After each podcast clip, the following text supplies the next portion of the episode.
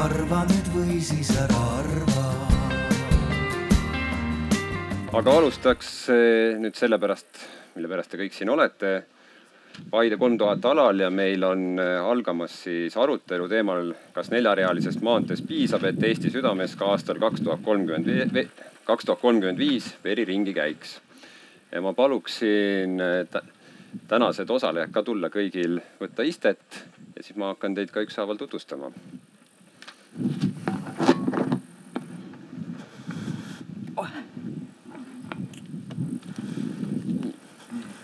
Aga mina olen eh, Priit Värk, Paide linnapea, täna moder-, modereerin seda arutelu. kõigil osalejatel on ka küsimusi võimalik esitada, võtame debati sees, kui te annate käega märku ja siis eh, on võimalik küsida ka läbi mobiiltelefoni. et peaks olema siis liido.com on selline lehekülg ja seal on koodiks on number kolm tuhat ja siis te saate iga hetk kirjutada oma küsimuse, kes ei soovi käe tõstmise käigus seda teha. aga tänased eh, osalejad on siis, ma alustan eh, kohe enda kõige lähemalt, on Kristiina Erodes, kes on Swedbanka kommunikatsioonijuht ja endine Paide linna elanik, täpsemalt Roosna Allikult ja lõpetanud ka siis Paides gümnaasiumi. nii et Paidega on side olemas siiamaani tegelikult. Rabarberi festival ka. ja, ja samuti Rabarberi festivali korraldaja. siis järgmisena on meil eh, Jaanus Murakas.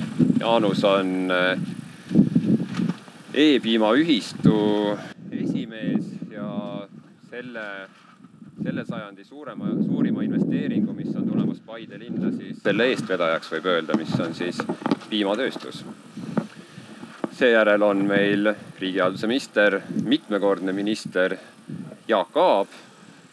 Jaak on küll vist eh, pigem juurte poolest eh, küll Mulgimaalt, aga, aga Järvamaa ja Paide on ka lähedal. Võhmas üle kahekümne aasta, nii et ei olnud väga kaugel ja viimasena on meil siis Kari Raag. kõvasti kasvab, võtab võhma ära. mõistlik, mõistlik.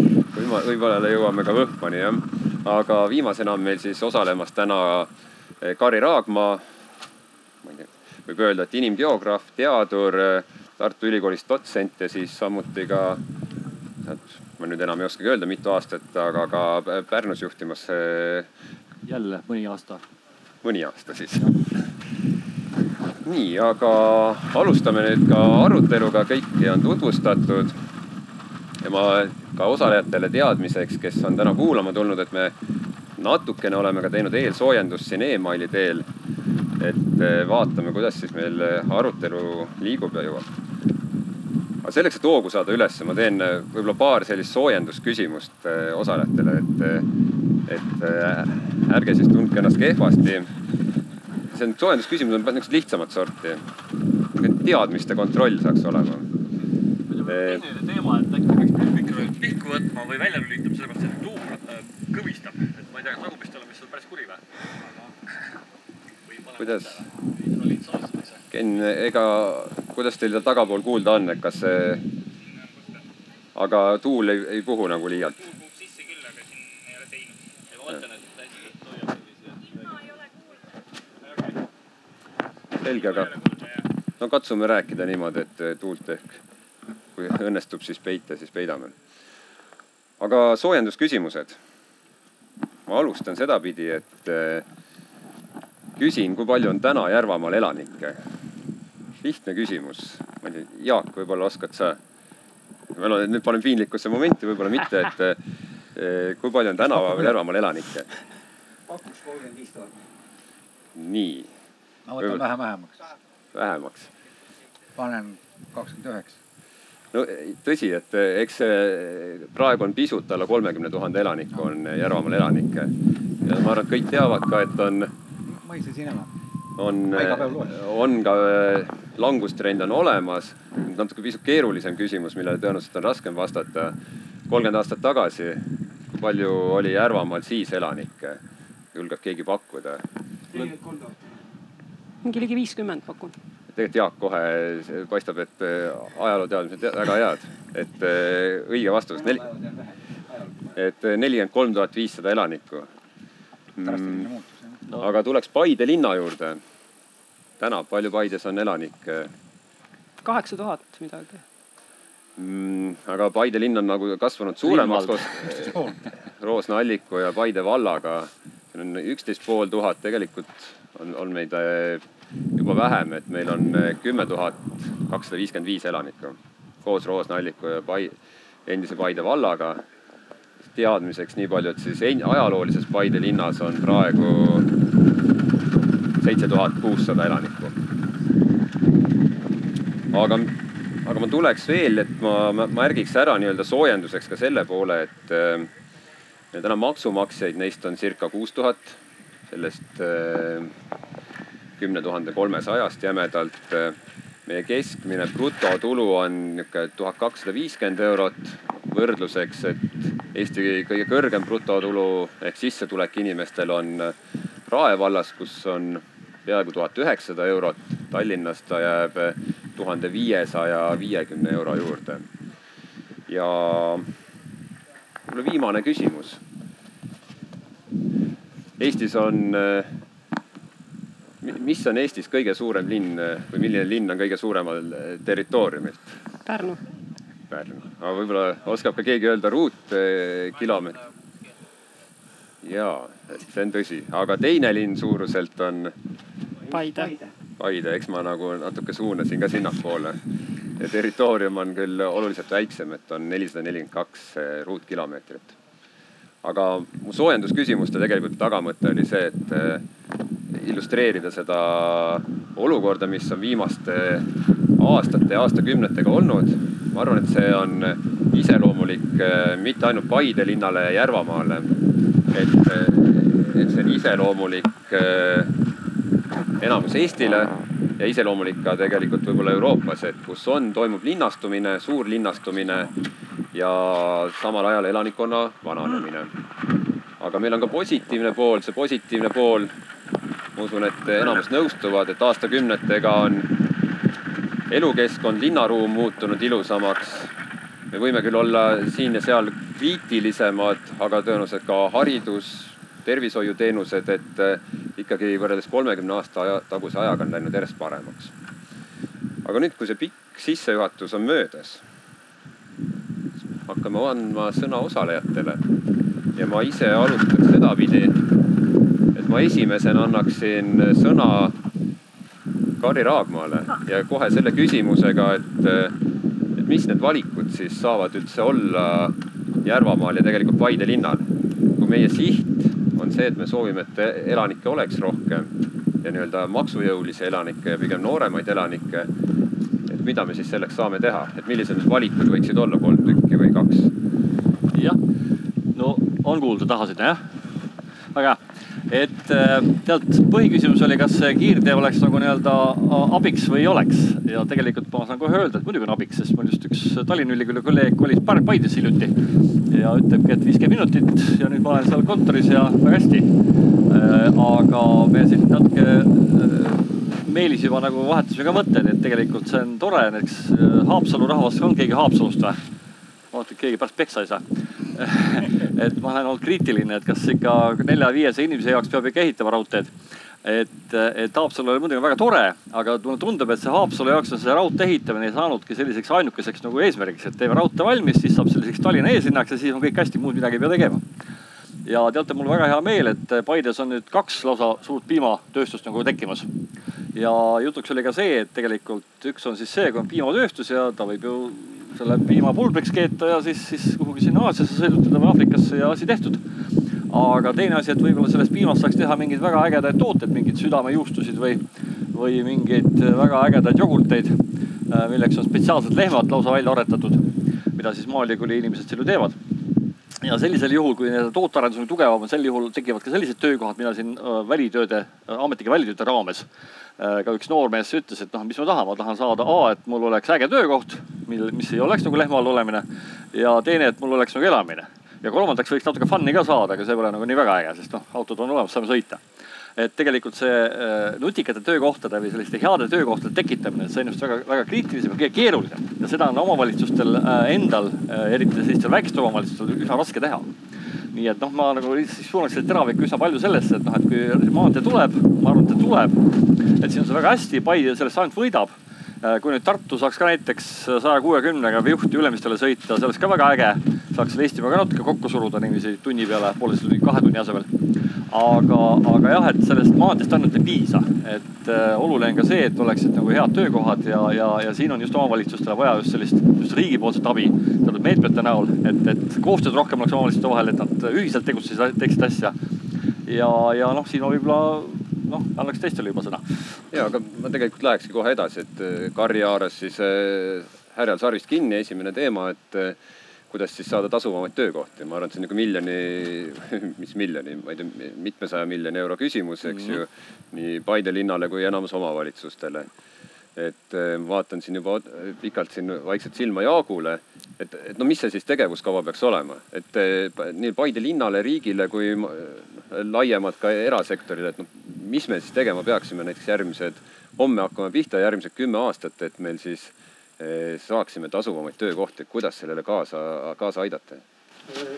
Jaanus on sellega juba alustanud, et äh, me kujutame tänapäeval võib-olla ette sellist vana malli nendest ettevõtetest, mis tehakse, eriti tööstuses.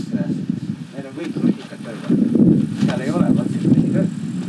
mina võin seda isegi Ida-Viru näitel öelda, kus äh, on tulnud uued ettevõtted, äh, loovad sadu töökohti, jaotavad juurde näiteks Hapamaa see on kõik ainult operaator, seal ei ole mingit muud tööd, tehakse IT-d, automaatikat ja nii edasi. ja see on nüüd äh, üks väljakutse, millele me peame ka võib-olla kiiresti vastama, et kuidas, äh, no see on teatud mõttes äh, järgmine tööstusrevolutsioon. ja kuidas vastab meie kutseharidusvõrk, kuidas vastab meie koolivõrk sellele tahtmisele, mis sealt tuleb. ettevõtted kurdavad, et päris ei vasta äh, niisugust äh, noh, just, just sellist nagu spetsialisti, kes jagab nii IT-d, automaatikat kui noh, et niisugune äh, laiapõhjalise põhi all ja tema koha peal saab kasutada juba niimoodi ja neid töökohti tahetakse lähiajal massiliselt. nii et, et sellist inimest, sellist oskust tahetakse. repliigiks Karile, Haapsalu raudtee on ka regionaalprojekt. ega see pole ainult Haapsalu vaata, kui palju nendest kohtadest ta läbi läheb. Jõudis ja seal kinnitas siis kaks korda, läks kohe arengus edasi. nii et, et kõik need kohad, mis sinna äärde jäävad ja see neljareal on täpselt samuti. linnavurled kriisi ajal on hakanud maale vaatama, ma käisin Taageperas. ma olen sealt pärit, eks ju, sealt Mulgimaalt, Läti piiri äärest, kõik maad on üles ostetud. nii et, et noh, see kahe kodu linnas öö, omamine ja maal, aga tihtipeale lõpuks linnakodu kaob ära ja tullaksegi maale. ja teine õpetus. Avalikus sektoris me tahame selle peale kõvasti panustada. et ei ole enam aadress Tallinna kontoril, vaid Eestis. tööta kus tahab, elab kus tahab. see annab ka näiteks Paidele ära maja no ega ta tõsi on, et noh, ma algul lootsin juba, et kui sa hakkasid rääkima raudteest, et siin käid kohe veksli välja, et tuleb Paidesse ka raudtee tagasi, aga, aga eks seda vist on liiga palju loota.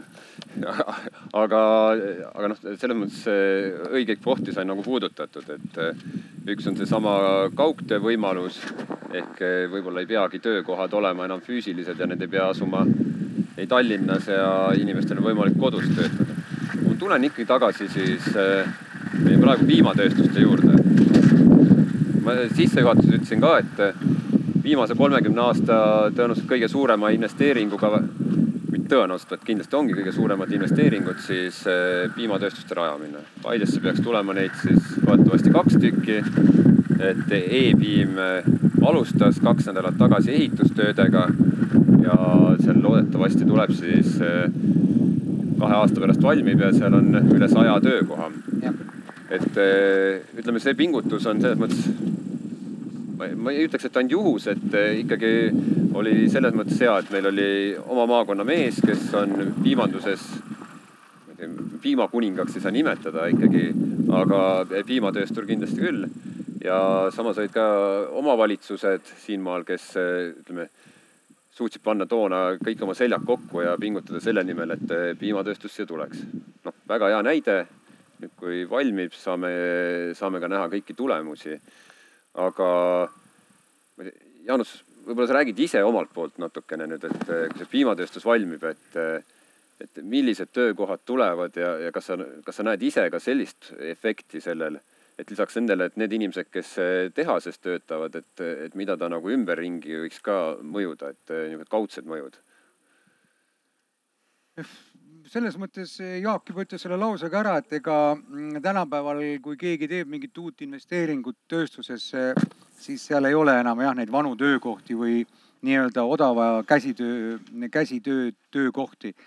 Mm, kogu protsessid on automatiseeritud, digitaliseeritud, robotiseeritud ja ongi ainult kallimad töökohad, mm, kus ongi vaja siis teadmistega inimesi ja, ja nii ka selle, selle tehasega ja ma võib-olla veel ka võtta, mainiks selle neljarealise tee mõtte ka ära, et äh, ma olen alati nimetanud äh, kiireid ühendusi automaatselt regionaalpoliitiliseks projektiks. mitte ainult head, mugavat teed, aga ta peab olema kiire. et äh, meie räägime vahemaadest kilomeetrites, aga vaata, ameeriklased räägivad vahemaadest ainult ajalises mõõtes kas tund, kaks või kolm. Neid ei huvita, palju kilomeetreid on, nad ei tea, kui sa hakkad küsima, palju kilomeetreid on, aga ma ei tea, aga sinna on kaks tundi maad. et aeg on ikkagi oluline meil elus, eks ole, sünnist surmani ja selle vahel ka väiksemad ajad. et, et nelikümmend viis minutit Paidest Tallinna on reaalne ja see on kõva saavutus. nüüd, kui näha kõrgepalgalised töökohad Äh, jah, need kindlasti ongi, seal nagu, nagu muud ei olegi, eks ole, ja, ja loomulikult need suured tehased on efektiivsemad, kasumlikumad ja nad võimaldavad siis ka endale neid kõrgepalgalisemaid töökohti või töötajaid saada või üle siis piirkonna keskmise siis ka palka maksta. ja see on see, mida me kõik ju ootame, eks mm,. Äh, kui, kui veel äh, Paide kasvamisest rääkida, et nagu Karri ütles, et ega see tee üksi ei aita. elus on ikka nii, et et asjad lõplikult untsu läheks, peab ikka olema mitu tegurit, eks ole, ja et asjad hakkaksid paremaks minema, peab olema ka mitu tegurit. et kui elu oleks nii lihtne, et teeme ühe tee või ühe raudtee ja siis kõik õitseb. no ta annab oma mõju, aga, aga võib-olla mitte nii otsese. et tegelikult täna me ju mõtlemegi selle peale ka, et mm, me ei leia ju Paides kõiki neid töötajaid, aga see võiks olla Paidele võimalus et äh, ma näeks niisugust varianti, et kui meil on niikuinii vaja hakata alguses neid operaatoreid tooma mujalt, siis oleks õudselt hea, kui linn saaks pakkuda munitsipaalkorteri teenust. ja minu arust see munitsipaalkorter oleks selline hea meelitamine. inimene harjub nädala sees Paides elama, no piimatööstus töötab kakskümmend neli seitse, ta töötab laupäev-pühapäev ka, töötab vahetusega, vahet ei ole, ta on viis päeva kohal ja kaks päeva äkki on kodus, on ju ja kui ta saab siin munitsipaalkorteris elada, siis ta ükskord mõtleb, et ta harjub ära sellega, et, et aga äkki ma ostan siia kinnisvara, eks. ja see on siis nagu selline edasiviiv jõud, mis paneb äh, kinnisvaraturu õitsema. kui siin on rohkem inimesi, paneb teenuste turud õitsema, võib-olla lõpuks mingi hea restoran Paides jääb ellu. et äh, et aga mis on, mis omavalitsus saab kindlasti teha, kuidas inimesed neid otsuseid teevad ja kui sa tahad noori inimesi siia, eks. sa olid täna jube valiv. et äh, praegu mehed, peaasi, et oleks inimene, aga sa, sa ütlesid, et saaks ikka noori rohkem. aga, aga noor inimene vaatab ju tegelikult ikkagi number üks, mõistliku hinnaga lasteaiakoht. ja number kaks, kvaliteetne haridus et siin äh, omavalitsusel peaks olema ikkagi selge strateegia ja selge püüd mitte lihtsalt kulutada laste püksitagumikku koolis, eks ole, aga et sellest oleks tõsiselt tolku ja me saaksime öelda, meil on kvaliteetne haridus. ja, ja ei olegi palju vaja, tuleb paar ettevõtet, nad toovad siia, otsivad siia töötajaid mm, kui linnal on võimalik algul teha mingi munitsipaal, inimesed tulevad siia elama, nad näevad, et siin on hea keskkond, siin on hea haridus, normaalse hinnaga lasteaed ja nad kolivad võib-olla siis, ma ei tea, Põltsamaalt, Viljandist või Kohtla-Järvelt ära ja tulevad siia elama. olgu, aga korraks küsiks nüüd paar täpsustavat küsimust kiiresti, eks ju, et eh, tasuvad töökohad, et tulevad ka e-piimas, noh kui praegu on, mis see tähendab? ütled sa palganumbri ka siin? ma, ma ütlen, tasuv töökoht eh, majandus mõttes, ettevõtete mõistes, eh, keegi ei ütle palganumbrit, aga, aga äh, lihtne. turumajanduses on nagu teatud mõttes kõik äh, vahest lihtne. et, äh, et saada endale vabalt töötajaid, valida, keda sa tahad, on vaja maksta piirkonna keskmisest üle kümme kuni kakskümmend protsenti. ja, ja kakskümmend protsenti tasuvam töökoht. see on see, mille peale me välja läheme oma eelarves, et neid inimesi leida. selleks ma tegelikult alguses korra ka mainisin, eks ju, et praegu Järvamaa keskmine siin on kuskil tuhat kakssada, tuhat kakssada viiskümmend eurot, eks ju. Et eh, nii-öelda annab võib-olla niisuguse natuke ori-, orientiiri, kui me seda arutame no,. jõuame siin võib-olla hari-, hariduse ja, hariduse ja elukeskkonna juurde veel kindlasti tagasi aga sujuvalt tegelikult, vot kui hästi on läinud, et eh, Jaanus juba hakkaski rääkima ka elamumajandusest. Eh, üürimajadest ma pean tunnistama, et ega ma ise nagu suur eh, üürimajade fänn ei ole, aga, aga siis me saamegi selle üle arutada. Aga Kristiina töötab Swedbankis. et küsiks nagu, ma kirjeldaks seda olukorda natukene. mul on endal ka see olnud, et aastaid viis-kuus tagasi tahtsin Paidesse elamist osta ja mul noh, selles mõttes läks kõik hästi, et ma saingi kodu ostetud, ma mäletan ka väga hästi, et läksin panka. ütlesin, tere, et näete, seal on nihuke krunt. või tegelikult seal oli väike maja ka peal, et tahan osta. Et kas on laenu saada võimalik, öeldi, et noh, saime seal oma summad kokku, aga siis öeldi lõpus ka, et, et sa saad ikka aru, eks ju. et kui sa selle vana maja teed korda või sa lammutad maha ja ehitad uue, eks ju, et noh, et see hetk kui sa uksel saab nagu lukk ette, et siis selle väärtus on umbes kakskümmend protsenti vähem kui see, see, mis sa pangast laenu said. et see tekitab nagu päris nihukese keerulise momendi, eks ju. ma tõin enda näite, ma arvan, et neid näiteid on Paide linnast, Järvamaalt, Eestist on nagu kümneid, sadu tuhandeid, eks ju kus, kui sa jõuad kommertspanka, siis see, kas see tagatis peab olema niivõrd suur või siis öeldakse, et väärtus on väike, et ei ole seda luksust, mis on, ütleme, Tallinnas, Harjumaal ja Tartus, et sa saad panna sellesama uue kodu, saad panna sada protsenti tagatiseks. ja sul ei ole nagu noh, selles mõttes sul on palju lihtsam, eks ju. noore inimesena leida siis seal olenevalt siis äh, kinnisvara hinnast, no on ta, ma ei tea, sada tuhat eurot, et sa pead seal panema võib-olla kakskümmend viis protsenti, et oma taskust kakskümmend viis tuhat eurot leidma äh, veel juurde, et noh paljude jaoks käib ta üle jõu, eriti kui sa tahadki nii-öelda väiksemas linnas maakohas toimetada. no nüüd, Kristiina, et eh, miks siis kommertspangad niimoodi toimetavad ja mis me, mis me siis nagu teha saaksime sellises olukorras, et eh, nagu siin jutuga jõudsime, et kui keegi soovib tulla väiksesse linna et noh, mis me siis teeme, eks ju, et kas me jaksame kõigile ehitada üürimajad ja üürikorterid või, või kuidas saaks nii, et see inimene, kes ta ei tahagi isegi toetust, ta tahab vaat saada laenu, et ta saaks?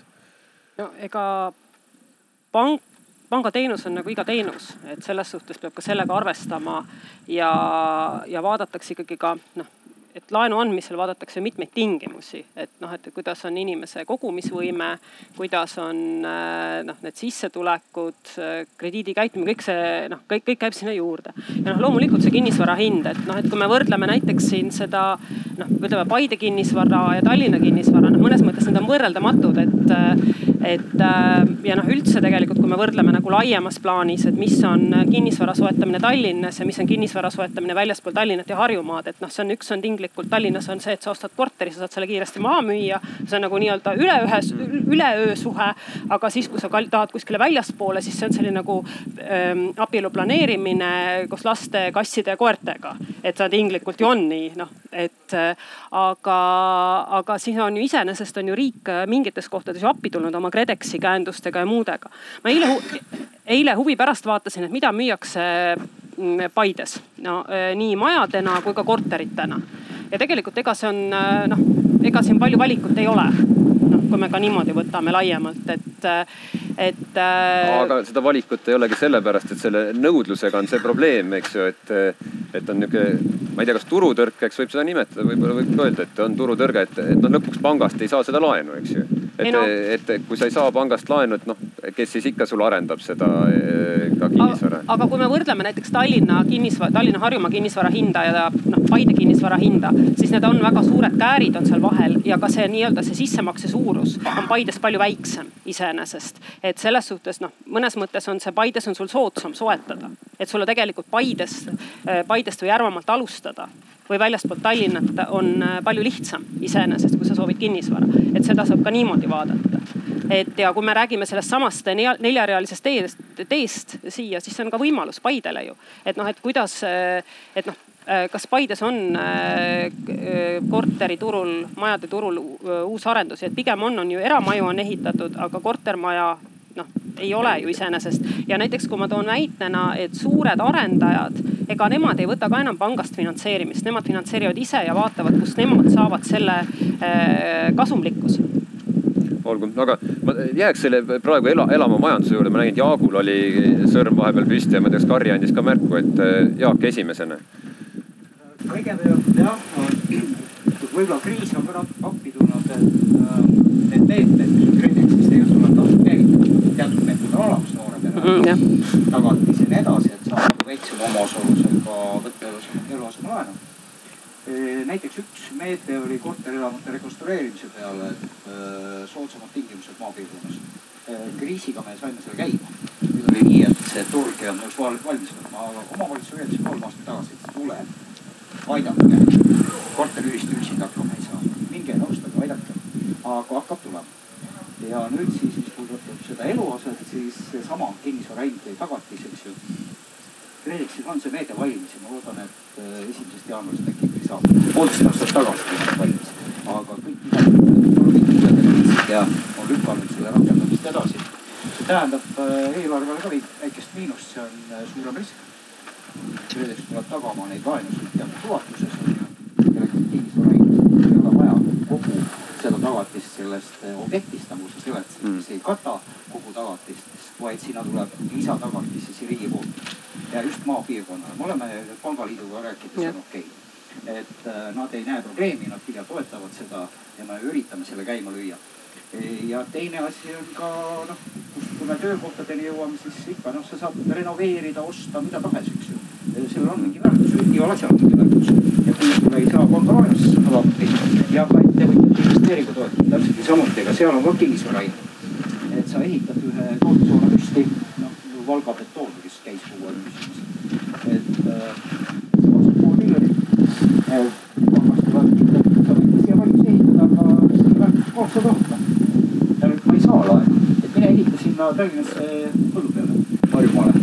siis on vähemalt viiskümmend eurot aga eks see on tingitud ka mõnes mõttes sellest, et noh, mida hakatakse ehitama, et, et üks on see, et tõenäoliselt mingi nutikas tööstuse ehitamine Paidesse saab tõenäoliselt rohkem, on noh kindlamini laenu või selle finantseerimise taha, kui ka näiteks mingisuguse vanatööstuse, ma ei tea, putitamine seal äh, Harjumaal. et noh, see on ka, et seda peab meeles pidama ja seesama jätkusuutlikkuse teema, mis on, et äh, pikas plaanis ikka väga tõsiselt seda vaadatakse ja see üleminek sellel teemal. korraks katkestan, ma hoiaks natuke seda elamumajandusfookust veel, eks ju. kas ma jagan õigesti aru, et nüüd on varsti on see, see päev, kus äh, läheme, ma ei tea Kristiina kodupanka, eks ju, kontorist sisse, siin on noori inimesi, tahavad osta endale kodupank, ütleb esialgu, eks ju, et kuulge, et sul peab nii suur tagatis olema, et me niisuguseid riske ei võta. et kas siis riik siis eh, garanteerib osa sellest eh, riskist ära, et on võimalik siis seda laenu kergemalt? jah pangal on teada täpselt kokku lepitud tingimused, millal KredEx on võimeline siis või ta tuleb appi. eks seal mingid tingimused peavad olema, pank hindab ära selle sissetuleku ja laenu katmise võimalused ja. nii edasi. aga kui just see tagatise pool siin nii-öelda maapiirkonnas, kus see väärtus ei ole nii suur, sa ehitad uue maja ja selle väärtus kinnisvaraturul on võib-olla et, äh, et siis on see riigi nagu tagatis äh, mida pank koos KredExiga teeb, sa ei pea eraldi kontoreid läbi käima, nii nagu praegu lähed pangakontorisse, pank räägib, et näed, meil on sellised tingimused, aga võimalik on saada KredExi lisatagatist sulle juurde, kuna sa elad sellises piirkonnas, kus kinnisvara turuväärtus madal. ja siis võid mõelda, noh, tegelikult on see mõeldud ikkagi kõigile peredele, me ei ole piiranud noore perega, kes soovib maapiirkonda elama minna, selline võimalus võiks olla. okei okay,, aga see. loodan, et esimest jaanuarist saab, ma mürki ei julge võtta, sest eh, kaks aastat on erinev no Paidel igatahes väga hea uudis, aga Karil oli pikalt sõrm püsti. et eh, tegelikult Eestis ei saagi praegu mujal ehitada kui Tallinnasse, Harjumaale ja Tartusse, sellepärast et isegi Pärnus on kinnisvara hind on alla, alla ehitusmaksumuse. Ja see ongi see turu, turutõrke nagu teema ja noh, kui me jõuame siia Kesk-Eestisse või Valka, siis on seal jah, ja Ida-Virumaal siis on see korteri ruutmeeter mingi kakssada ja see on keskmine nagu vanad ja uued kokku, aga uusi kuna ehitada, siis enamus ongi vana, vana, vanad kortermajad, mida seal müüakse või noh, mida antakse, osades kohtades muidugi on korteri hind null. sest sealt nagu inimesed on juba ammu ära läinud. Et, et äh, siin ongi jah, nüüd vaja riigil ja omavalitsustel äh, ses mõttes teha, ma arvan, see meede, mis äh, kord, ütleme omavalitsustele pakuti, et, et tehke mõned majad korda või tehke mõned uued majad. et see oli väga hea, aga mingil hetkel juhtus vist, kui ma, Jaak ilmselt teab täpsemalt, aga ma ei ole seda üle kontrollinud. mingi hetk ma teadsin, et lihtsalt KredExil, kuna mujal ei tahetud, siis raha pandi ikkagi Tallinnasse, nii et noh, mingi turgu solkima jälle. viiskümmend viis protsenti vist läks lõpuks ikkagi Tallinnasse Harjusse ja, ja, ja Tartusse kokku. oli, oli, okei okay.. No iga, igatahes, igatahes osa, osa seda raha jäi kasutamata ja lihtsalt sellepärast, et omavalitsus ei tahtnud seda võtta nagu seda riski ja selle peale minna. et, et jah, et ja siin linnapeaga peaks natuke natuke vaidlema jah teemal, et palju on vaja nagu üürimajasid. et siin Hollandis ja Suurbritannias on see kuskil seal kolmkümmend neli protsenti on, on üürimajad ja sellega reguleeritakse turu äh, turu niiviisi volatiilsust. et Eestis ongi see häda, et, et kus on nagu defitsiit, seal läheb hind kohe juh ülesse, nagu see Tallinnas on juhtunud. ja kus on nagu äh, ülepakkumine või noh, kus on seda järgi jäänud nagu Valgas, seal siis läheb ta väga, kukub väga alla et selles mõttes see üüri, üüriturg on just selleks, et, et äh, avalik, avaliku sektori hooned oleks just selleks, et seda, seda nagu turu, turu nagu hüppelisust nagu reguleerida. Et selles mõttes Eestis, Eesti oli vist jah, siin ma ei tea, kas hetkel, aga, aga mingil hetkel oli maailmas teisel kohal, Leedule ainult veel rohkem, üheksakümmend kaheksa protsenti oli siis nagu erakätes enamus pinnast, et mis on, mis on selles mõttes ei ole ilmselt mõistlik et selles mõttes teatud nagu ka ettevõtja ütleb, et äh, mingi, mingi puhver peaks olema, et kui sul on vaja võtta tööle hulk inimesi, siis sa saad seda nagu pakkuda. ja, ja seda võiks ka, ka, ka teha. ja teine siis, aga siin on nüüd aga. Kui me vaatame praegu eelmise rahvaloenduse tulemusi üle-eelmise rahvaloendusega võrreldes, siis kõik kohad, mis kukuvad, on kortermajad väljaspool Tallinna Harjut. isegi Tartus kortermajad kukuvad, seal on ka teised põhjused. seal on nagu see, et lihtsalt, et lapsed läksid ära ja vanad jäid alles aga, aga kui sa vaatad väiksemaid asulaid, siis igal pool kortermajad on nagu, nagu ära kukkunud. ja siin tuleb nüüd väga ettevaatlikult vaadata, et kuhu kortermaju lasta, lasta ehitada. et kui on ikkagi selline maja, endine majandikeskus, siis seal tuleb ikka mõelda, milline korda teha kui ta on heas keskkonnas. aga, aga Paide linna võiks, eks? no Paide linna kindlasti võiks jah. aga Paide linna puhul ka, et tegelikult peaksite mõtlema siin, et, et kuhu võiks ka tekitada selliseid hea vaatega nagu eramupiirkondi need jäävad alles. kui sa ka vaatad endisi majandikeskuseid, Torma või mingid sellised, siis seal, kus on eramajad või Ambla näiteks. Äh, seal on ka eramajad on kõik olemas, äh, lapsed tulevad isegi linnast tagasi, sest on oma maja. aga kui sul kortermajad, seal on äh. et noh, selles mõttes siin tuleb nagu mõelda nende poliitikatega. ennem kui ma Jaanusele sõna annan, siis ma vaatan korraks ka publikule silma, et Jaanus kommenteerib, kui peale Jaanuse kommentaari kellelgi endal on küsimusi, siis andke käega kohe märku, et saab järgmisena, et eh, Jaanus. ma tegelikult tahtsin äh,. ega kortermaja ei pea olema kole. näiteks mm. vaadata, milline on uued kortermajad Koplis. isegi Imaveres on selline väga ilus. Koplis Sepa tänaval, noh kolm tuhat eurot. Nii, aga siin jah oli. jah. aga, aga annaks jah, siin oli kommentaar, et. ma lihtsalt tahtsin, ma lihtsalt tahtsingi nagu võib-olla rõhutada, siin käis läbi see sõna turutõrge. tegelikult me peamegi asju õige nimega nimetama aga ausalt öelda ma näen, et seda turutõrke sõna nagu ka Eestis kardetakse, sest tegelikult kui me defineerime ära, et kuskil on turutõrge, siis valges maailmas on riigil kohustus see turutõrge elimineerida seda tehakse igal pool, kas Pariisi raudtee peab, riik peab äh, pileti odavaks maksma, et rahvas ei läheks autodega tänavale. kas Saaremaa praami me maksame odavaks, kas me otsustame, et teatripiletid on ilma käibemaksuta ja me leiame, et äkki see on nagu turutõrge, muidu rahvas ei lähe kultuuri sööma. et, äh, et noh, kultuur kui toit, eks ole. Et äh, see, see on nagu väga oluline ja see on valge maailma käitumine ja me ei peakski nagu need ülejäänud pikad jutud on kõik nagu ilusad sealjuures aga tegelikult peaks olema riigil selge hindamiskriteerium, kuidas turutõrked, mis neid turutõrked on palju. Elamuehituses, muus asjas, tööjõu kättesaadavus isegi võib-olla mõnes piires ja siin ei olegi midagi muud teha. ja kui aktiivsed on arenenud maailmades KredExi või MES-i sugused riigi käendusfondid ja kui suurte portfellidega nad töötavad. meil oli õudne paanika, kui nüüd ähm, suurendati mm, MES-i omakapitali. Nad on meil alles lapsekingades. nii KredExi kui MES-i omakapitalid peavad tõusma kordades ja siis me, me lööme kõvat trummi, et nüüd me tegime meetme, et kõik saavad oma kortermajad korda ehitada. aga eelarves on seal kümne maja raha et äh, see peab tekitama, no ja, aga see. aastatel iga aasta seitsekümmend miljonit ja, kardetakse, et ei suudeta ära absorbeerida. jah, miljonit on seitsekümmend maja, võistlus. rekonstrueerimisse, nii väidetakse, siin peab arvestama mitut asja. aga vaata see turutõrkega mõned asjad ikka oleme arvestanud, seesama kortermajade asi, kus äh, äh, ei pea ka panka minema. kui KredEx hindab, et kinnisvara turuhind on nii madal, seal kakssada, mis seal on ees, siis KredEx annab seda oma laenu. Nii et sa ei pea isegi panka minema küsima, nii et see turu. meil on need teenused juba olemas, aga me peaksime rohkem, me peaksime tegema neid jõulisemalt. ja see meie arusaam, et äh, kui me räägime mingist meetmest, kinnisvarameetmest, et seal on kolmkümmend, nelikümmend miljonit on juba raha, ei. Need fondid peavad ikkagi olema tegelikult sadades miljonites, et oleks inimestel usk, nad teavad, et see on riigi pikaajaline poliitika. kui ma täna tahan minna äh, mingi noor poiss saab Paide linnapeaks, on ju, tahab ka siia maja osta, et ta teab, et ta, ta saab, talle tuleb KredEx appi, ta saab selle käenduse, ta saab selle maja ehitada.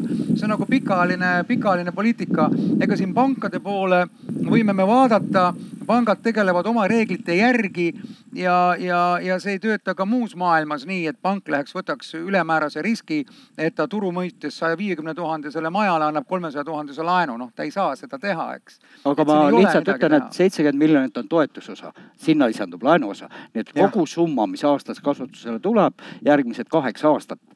noh, kui pool on omaosalus või maapiirkonnas on väiksem, siis me võime öelda, et see on tugevalt üle saja miljoni, mis tuleb sinna kortermajade rekki lähema kaheksa kas aasta see, jooksul. sa pead silmas praegu seda, mis tuleb ka Euroopa Liidu toetustena just. äh, ehk teha nii-öelda jätkusuutlikumaks ehk äh, energiatõhusamaks. Renoveerimislaine. renoveerimislaine on jah tulemas. Ma ma korra- tuleks, korraks ma tuleksin selle juurde tagasi, me, me ei tee üldse kriitikat, me ei tee kriitikat, me otsime lahendusi. ma tuleks nüüd selle juurde tagasi, nende numbrite juurde tagasi. Ma olen lugenud, et Eestis on neli tuhat ametnikku otseselt, kes vastutavad maaelu arengu eest ja me kogu aeg raporteerime, et me oleme väga palju teinud, me loeme ministeeriumite ja erinevate asutuste ilusaid äh, voldikuid ja kokkuvõtteid, kuidas nad on äh, elu Eestis heaks muutnud. aga linnapea. nii palju ei saa olla, kaheksa tuhat tüüpilist ametnikku on Eestis üleüldse. aga, aga võib-olla siis on mingisugused muu, kõik, kõik koha, kohalike need- sihtasutustega ja- kokku aga lõppkokkuvõttes vaatame tulemusi. neljakümne kolmest tuhandest inimesest Järvamaal on saanud kakskümmend üheksa tuhat et see töö ei ole olnud tulemuslik, need inimesed on ikkagi ära läinud, vaatamata meie meetmetele. Ja need meetmed meil on, aga nad ei ole piisava poliitilise ambitsiooniga ehk eelarvega seal taga aga ma nüüd väga hea tegelikult eh, näen, et arutelu on hästi käima tegelikult läinud ja Jaanus juba siin eh, võtab mul ka sõnu suust, eks ju. et eh, tegelikult mul nagu esialgne see illustreerimise mõte oligi tuua, eks, et noh, sa ise ka tõid, et me oleme nagu kõik pingutanud, ma arvan, et on ettevõtted ega ka omavalitsused siin on kõvasti pingutanud riiki, eks ju, aga, aga need tulemused on ikka sellised, nagu on. ma jätkuvalt jätkaks selle elamumajanduse teemal siis, eks, et noh vaadake, hea uudis, eks ju, et eh, tõenäoliselt on varsti see olukord, eks ju, kus on võimalik siis minna panka ja saada ka väiksemas piirkonnas kergemini laenu, eks ju. noh, see minu arust on, ma arvan, et see mingi paralleele võib viiekümne kuuendate, kuuekümnendate USA-ga juba tuua, eks ju, kus eh, kortermajade rekile juba on võimalus ja kortermajadel on, aga ka, ka tulevikus eramutele. noh, järgmine aasta on meil siis aasta lõpuks on neljarealine tee, tee ka Mäoni olemas, eks ju. see loob eh, eeldused, et eh, osad inimesed saavad käia siis kas siis Tallinnast eh, kaugtööl või noh, näiteks perest üks käib Tallinnas, teine on siin. noh, osaliselt kaugtööl, osaliselt võib-olla kontoris, taas eeldused olemas. et aga siis tuleb seal see selline, ma ei tea, mõiste või väljend nagu magala et eh, kas siis Paidest eh, saab siis Tallinna ta,, Tallinna magala ja kas, kas see on nagu paha asi? ega ma nüüd vaatan esimesena siin eh, Kristiinale otsa, et Kristiina endise Paide elanikuna, pikalt elanud, kooli lõpetanud, kas sa oled nüüd Paidesse tagasi tulemas? kas sa tahaksid tulla magalasse? ja Kristiina enne rääkis ühe öö magamisest ja pikaajalisest magamisest. jah, jah, et no nüüd on nagu pikaajaliselt tulla Paidesse no ma võin öelda, ma just nagu mõtlesin, me läksime väga kinnisvarakeskseks siin selle, selle teema puhul, et noh, et kui ma mõtlen, et mis, et äh, mida mul Paides teha on. no et äh, ma pigem nagu mõtlen seda, et. ma, ma segan vahele, et ma arvan, et absoluutselt pra- praktiliselt kõike seda, mida saab ka Ta- Tallinnas ei, teha ma. mõtlen seda, et noh, töökoht, et ma ikkagi tahaks vahest, et okei okay,, me räägime kaugtööst, et äh, olen ise töötanud pikalt nüüd kaugtööl. et äh, nii Järvamaalt kui ka Tallinna kesklinnast aga kui sa, teistelt kui sa saad käia nädalas ütleme kahel-kolmel päeval pead kontoris käima, ülejäänud kaugtööl ja sul see sõidutee on nagu viiskümmend minutit. no Viimsist sa ei tule palju kiiremini Swedbanka kontorisse. et siis on ju justkui, justkui on olemas nagu tingimused üsna võrdsed ei, ma olen, olin eelmisel aastal, ma mingi üle kuu aja istusin, istusin Paide parimas linnaosas Roosna-allikul ja tegin sealt tööd, et noh, nagu selles suhtes ei olnud nagu probleemi. aga pigem on ka see, et ma ikkagi aeg-ajalt tahan nagu inimesi näha ja, ja, ja nagu seal kontoris olla. meil on kümme tuhat kakssada viiskümmend viis inimest, eks ju mina olen siin, eks ju et ega aga... meil inimesi jagub ja meil on siin kutseline teater, kino, meil on, ma ütleks, et jalutuskäigu kaugusel on meil kogu haridus, näete, me ehitame Eesti kõige, kõige uuem Avata... riigigümnaasium, et kõik justkui nagu on olemas, et sa ütled, et ei ole inimesi näha mis ma teen siin jube keeruline kuulata seda. ei no on, et ongi, et, et noh, ma mõnes mõttes olen sinna nagu Tallinnasse paika ennast seadnud, et noh, ma pean arvestama, et äh, jah, et, et mul on kesklinna piiri peal on mul äh, korter ilusa vaatega, laps käib kesklinna koolis on ju, et noh, ma nagu mõtlen ka sel- ja, ja ise käin kesklinnas tööl, et äh, ära rikutud, aga samas on ka see, et ma nagu rõõmuga käin ka siin Järvamaal, et, äh, et, et ja teen ka siit tööd, et noh, et selles suhtes on, et aga noh, ma ütlen, et teil siia mind juba kutsuti kandideerima kohalikel valimistel on ju, aga. mina, mina see ei olnud sina ei olnud see seekord aga, aga noh, see, see on, et see, et kui sul on nagu mingitel hetkedel ongi sul see, et mida sa teed, et noh, et kui sa oled juba pannud a la lapse kooli, et sa ei hakka seda nii kergekäeliselt enam vahetama. või siis ongi seesama, et sa vaatad nagu natukene laiemalt, aga, aga see ei välista nagu ütleme niimoodi, et kohalikul elul nagu kätt pulsil hoidmist. ja, ma sult nagu... jahhi vist kätte ei saa. ei, sa ei saa praegu nagu, äh, praegusel hetkel mitte. aga ma ei tea, vaatan korraks sinna tahanurka Karile korraks otsa. ei, ma, ma, sa ma, edasi siin, et äh, korter, palju see korter võiks maksta praegu noh? Paides või? ei, ei seal Tallinna kesklinna külje all hetkel. noh, mingi sada viiskümmend tuhat või, sada? no siin sada. sada viiskümmend. aga vot äh, ei, üle kahe tuhande kõvasti juba ja keskmine on rohkem. aga, aga, aga vot, et nüüd ongi, et vot äh, ma seal, ma tegin ühel, vist oligi need ametnike välitöödel, ma tegin ühe, ühe sellise spekulatsiooni, et kui kui äh, Vahur Kersna, kellel on Kadriorus korter, vist, vist ka suur korter ja e-, eeldame, et see maksab kolmsada tuhat. ja kui ta nüüd läheks tagasi Antslasse, kust ta pärit on ja ostaks seal maja. siis ta võiks selle korteri maha müüa äh,, osta maja ja ta saab järgmised kakskümmend viis aastat iga kuu tuhat eurot puhtana käde. et kas see ei oleks äge selline nagu perspektiiv, et noh, et mõtle, kui tore pensionipõli oleks. et äh, mina ütlen, et teatud keskuste jaoks ei ole magala üldse niisugune sõimusõna. ma räägin sellest samast Võhmast kus teatud põhjustel juhtus täielik katastroof, eks ju, kaheksakümmend protsenti töötas inimestest lihakombinaadis mis kahe pankrotiga üheksakümnendate alguses lendas vastu taevast. ja siis arvati ka, et nüüd hakatakse maju lammutama siin Põhmas ja nii edasi. kõik majad on täis, ühtegi maja lammutatud ei ole, rekonstrueeritakse, uus kool ehitati. et inimesel on kõik teenused seal olemas. Tal on seal lasteaed, kool, mida iganes, raamatukogu, kultuurikeskus, kõik asjad on olemas, siis ta käib sealt lihtsalt kuskile tööle. lihtsalt ajaloolistel põhjustel sinna kunagi loodi nii palju kortermaju, noh. et inimesel on seal elamispinda võtta ja ta käibki Türil tööl, Põltsamaal tööl, Viljandis tööl ja muidugi kohalikud ettevõtjad ka, aga väga palju käib väljas. no see on see eh, päris hea näide lihtsalt magalast, mis võib isegi maal kujuneda sellisest teatud keskusest või väiksest asulast. no Priit, sa ise oled olnud ju samamoodi olnud, Paide on sulle magala olnud ju mingi aeg ja, ja et ma olen ise ka Tallinnas käinud, eks ju, kaks pool aastat iga päev tööl, eks ju. aga ega mina selles mõttes Jauguga nõustun, eks ju, et eh, olgu, et see nii-öelda väljend magala kõlab kehvasti, aga, aga vaatame, kes, mis need Eesti magalad siin on, et eh, Viimsi rae, kus on viimaste aastate kõige kõrgem kinnisvara hinnatõus, eks ju, et noh, nii kohutavad kohad, aga inimesed meeletult tahavad minna et eh, eks see on nagu, eks see sõnastus saab ka teine olla, ma arvan, et see ei pruugi üldse paha olla. aga nüüd eh, tegelikult meie debati juures käis korraks ka läbi seesama ühenduvused. et Paide on Eesti maakonnakeskustest kõige parem autoühenduse koht ma arvan, et keegi ei kahtle ka, eks ju, et autoga saad kahe tunniga igasse otsa ja igasse keskusesse Mandri-Eestis saad tunni ajaga, noh, siin ei ole küsimustki. aga paradoks on nagu teine pool see, et ühistranspordi mõistes oleme Mandri-Eesti kõige kehvem äh, mõnes mõttes ühendusega koht. et äh, see tuli ka just eile oli ka üks arutelu, kus see tuli välja, et see mitte ainult Tallinn-Tartuga, ütleme, on meil broonid väiksemad, Pärnusse minek Paidest, see, see mõnikord on nagu täiesti müstiline, sa pead minema läbi, läbi, läbi Tallinna, eks ju. hiljuti toodi mul üks tore näide, kus taheti teha noorte, Eesti Noorteühenduste Liit tahtis teha siis konverentsi. See jõuti sinna, et mõistlik on Jõgeval sellist teha.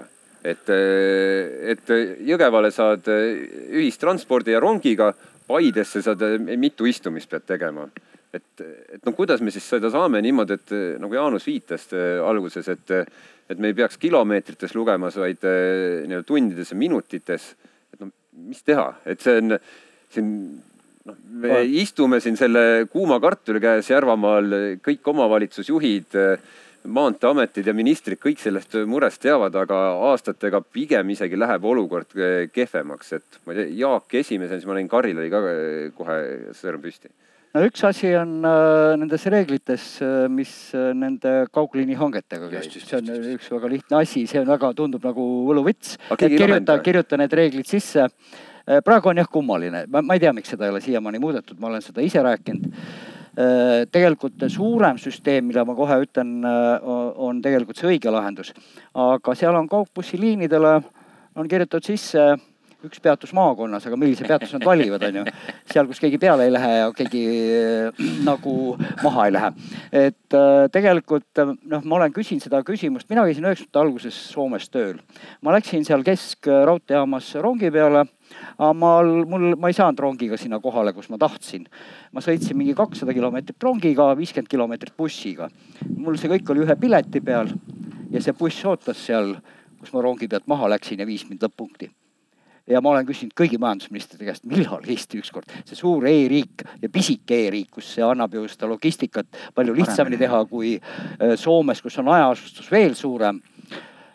Me oleme jõudnud sinnamaani, et Taavi Aas tõesti nüüd koos äh, Harjumaa ühistranspordikeskusega tekitavad Rapla, Harjumaa, Tallinna sellise logistikasüsteemi. ja ma väga loodan, et kus on siis rongid, bussid, kaugliinid, Äh, maakonnaliinid, ma ei tea, mida iganes, praamid, kõik on nagu ühtses süsteemis sees ja liigub loogiliselt ja vastavalt vajadusel, sealt saab ka lõpuks nõudlust hinnata.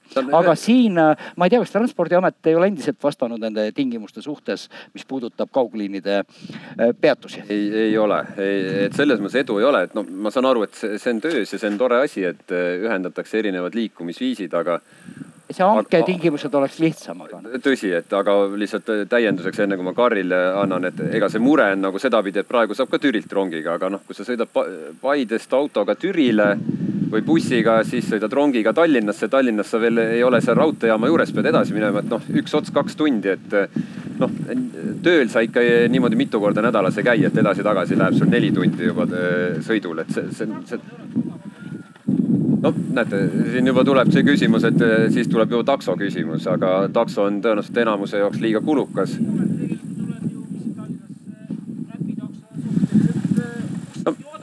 Eks iseenesest on see iseregulatsioon on ka olemas, et.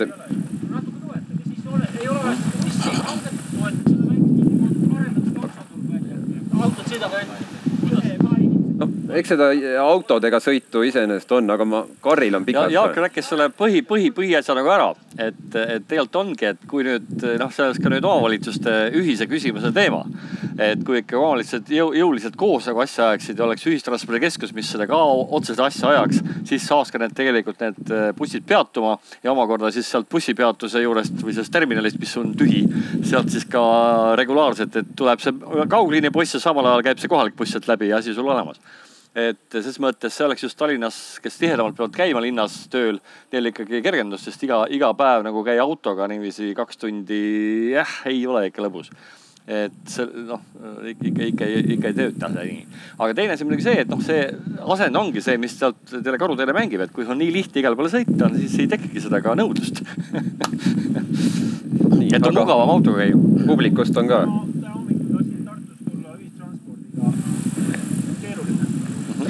Ütleme võimatu, et äh, just otsida, et Mäos peatust, bussid olid igal pool, Puhur, Islis, Koigis mm, -hmm. aga mitte kuskil Mäos. ei no nagu Jaak ütles, et sealt peab lihtsalt andma neile konkreetsed kohad, kus nad saavad, peavad peatuma ja siis on nii noh tegelikult on maakonnakeskus on see, kus ta peaks peatuma. ma korraks segan vahele, et on... kuna mikrofoni ei olnud, siis ma kordan, eks ju, et siin toodi näide, et äh, hommikul äh, üritati Tartust sulle siia juba, juba olid nagu probleemid, eks ju. ja ma võin lihtsalt öelda, et see on nagu, see pole mingi haruldus, et meil on Järvamaa haigla on, arstid ei saa siit siia, vastupidi, tahavad minna patsiendid, kellel on vaja minna Tartusse haiglasse, eakad inimesed, väga ta tavaline, et tahavad ühistransporti, ei suuda minna, eks ju. et sotsiaaltransport, linna sotsiaaltransport käib neid vedamas siis teinekord. no eks see häda on, et äh, see on jäänud siin mitme tooli vahele. Rongid liiguvad ju riikliku äriühingu kaudu või tellitakse Edelaraudteelt, eks ju. bussid kaugliinibussid on kõik era praktiliselt, seal ei ole ju mingit dotatsiooni peal ja siis on maakonnatransport, mis on ka riigi toel.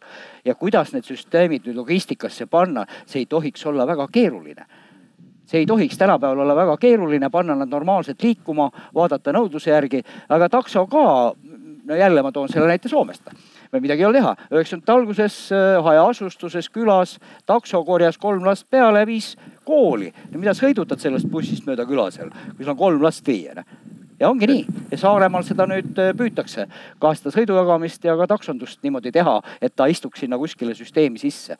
Et, et siis kui inimesel on vaja, siis ta saab. ma korra kommenteerin siis äh, ka omalt poolt, et et ma ei tea, kui ma enda niisuguse ebaõnnestumiste rida panen, siis ega see on üks esimene, mäletan, ma olen Järvamaa Ühistranspordikeskuse ka juhatuses, läksin sinna, eks ju, esimene asi, hakkasin sama juttu rääkima, et kuulge, et see, et need bussid sõidavad meil siin Annast Sargverest, eks ju, Annast tuleb, ma ei tea, nelikümmend minutit buss siia, sest ta peab tegema igal pool peatusi, et see esimene ots nagu see üks poiss, kes seal on, et no ta ei taha tulla selle bussi peale, eks ju. Aga samas peab see, see buss korjama peale ja siis vahepeal teeb niisuguse pooltühja ringi, eks. Noh, palju mõistlikum oleks meil, kui oleks seal külas võib-olla seal paar meest või vanemat meest, kes saavad väikse raha ja, ja sõidaksid nõudluspõhise taksona, eks. Ju, et korjavad need lapsed peale või memmed peale. No neli aastat on sellest läinud mööda, kui ma seda rääkisin, ega ma nüüd olen noh, siinsamas kõigi ees olen ja mitte ühtegi tulemust ei ole. ja ei noh, selles mõttes ma olen seda tihedamini räägi-, rääkinud, aga ma tahtsingi öelda, et, et eh, ühest küljest nagu jube lihtne ja loogiline asi ja ammu toimis, nagu Jaak ütles, Soomes. Eestis pole selle ajaga mitte üheski ei üheski omavalitsuses. Saaremaal nüüd hakkas mõte no, liikuma. paar nädalat tagasi alustas Sa Saaremaa siis piloti, pilotiseerimisega. Et ma ei teagi, miks, miks me nii see..., miks me nii õnnetud oleme, eks ju, et kuidas meil ei õnnestu kuidagi selle traditsioonilise transpordi. aga see ongi see, et omavalitsused ei siiamaani tahtnud sellega tegeleda. lihtsalt öelda, et no me teeme mingi keskuse, las ta siis teeb. ainuke asi, kus ta hästi töötab, on Pärnus, kus on siis lihtsalt kärpuk, kes on lihtsalt niivõrd hea kuju, kes on selle asjaga käima pannud. aga mujal lihtsalt lääne-virukad, mis nad tegid, nad ütlesid, ah las harjukad korraldavad seda ja see Harju Transpordikeskus korraldab kuskil äh, Lääne-Virumaal äh, kohalikku transporti. no keda see huvitab, see mingi mammi seal kuskil väike-maare taga, no ei huvita noh no seal on küll üks väike argument on veel siin tekkinud juurde, et nüüd on nagu tasuta ühistransport, aga et, et kuidas sa seda tasuta, tasuta nõudlustransporti ka teed, et noh, see eesmärk ei saa olla see, et õhtul mõtlen, et ma nüüd lähen Paides Kreisi trahtrisse õlut jooma, eks ju, Annast, et nüüd nõudlustransport, palun vii mind tasuta siia, siis tagasi, eks ju, et et see vajadus peaks olema ka korrelatsioonis, et päris, päris sedasi ei saaks. kuulge, aga nüüd mõtlen, eks ju, kõva häälega. Tundub, et päris hästi on, et neljarealine tee saab valmis.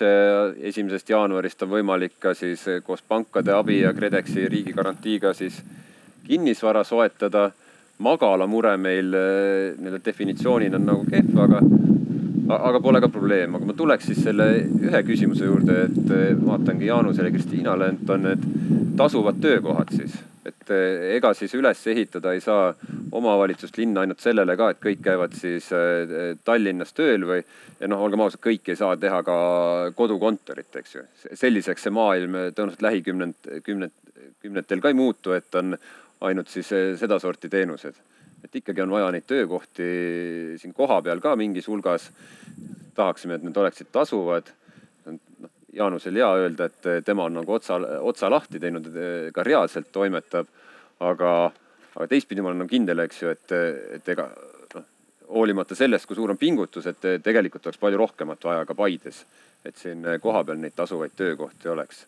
et nutika spetsialiseerumine et mis me siis saame teha, mida siis peaks tegema Priit Värk või järgmine linnapea või, või ka Jaak Aab, et mis see tegevuskava siis oleks, et kasvõi koos erase-, noh loomulikult peabki erasektor, mida me peaksime tegema, et ma saaksin enam päev paberile kirja panna, et kuidas nüüd paremini minna, aga Jaanusele annaks sõna ja siis Karrile tagasi. Eh, tegelikult jah, ega jälle jalgratast leiutada ei ole vaja. et tegelikult omavalitsused peaksid ikkagi, nii nagu Karri ütleb, et nägemagi ette pikaajalised planeeringud oma territooriumil.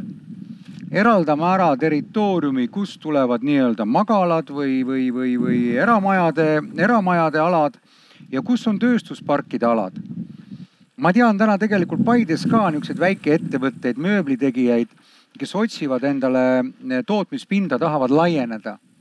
aga neil ei ole kuhugi laieneda ja ega niisuguseid suuri tööstusi meile, kus me loeme, loome tuhandeid töökohti Eestisse ei tule, eks. noh, meil ei ole, meil on täna tööjõuga juba nii kehvasti, et ei tule et meil tuleks mingisugune, ma ei tea, BMW tehas teeks siia suure tehase, hakkame autosid kokku panema, need olid unistused üheksakümnendatest, noh, see ei ole. jah, aga see aga, aga, aga, aga tööjõu, väga niisuguseid tööjõumahukaid suuri ärisid ei tule, meil ongi võib-olla sada, kakssada inimest ühes ähm, tehases äh, ongi juba suur ja, ja loomulikult tootvaid töökohti on meil vaja, see on õige. et arusaam, et me kõik rõbistame ainult kaugtöökohal kuskilt mingisuguseid pabereid me oleme paindliku graafikuga, meie tegemistest tegelikult eriti midagi ei sõltu, kas ma teen selle töö kaks tundi varem või hiljem.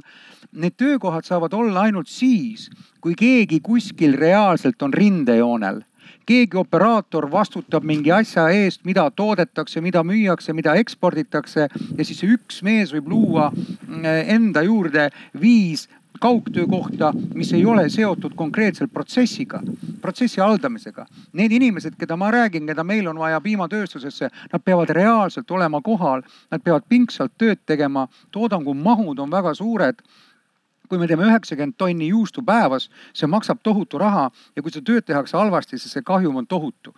nii et äh, nii et, et tegelikult, mis omavalitsused ei ole teinud, minu arust Karri, sa vist kirjutasid selles eel, eelmeilis ka, ma nagu ühineks selle kriitikaga, et äh, poliitilised ikkagi äh, koalitsioonid peaksid ikkagi äh, rahva, rahvariide seelikute ja, ja seltsimaja katuste parandamise asemel panema ikkagi korralikku raha arengusse, tegema need planeeringud ära. see on selline kuiv töö, sellest ei ole näha, et mingi tulu tõuseb. ilmselt tavaline maksumaksja ei oska seda ka hinnata või valija ei oska seda ka hinnata.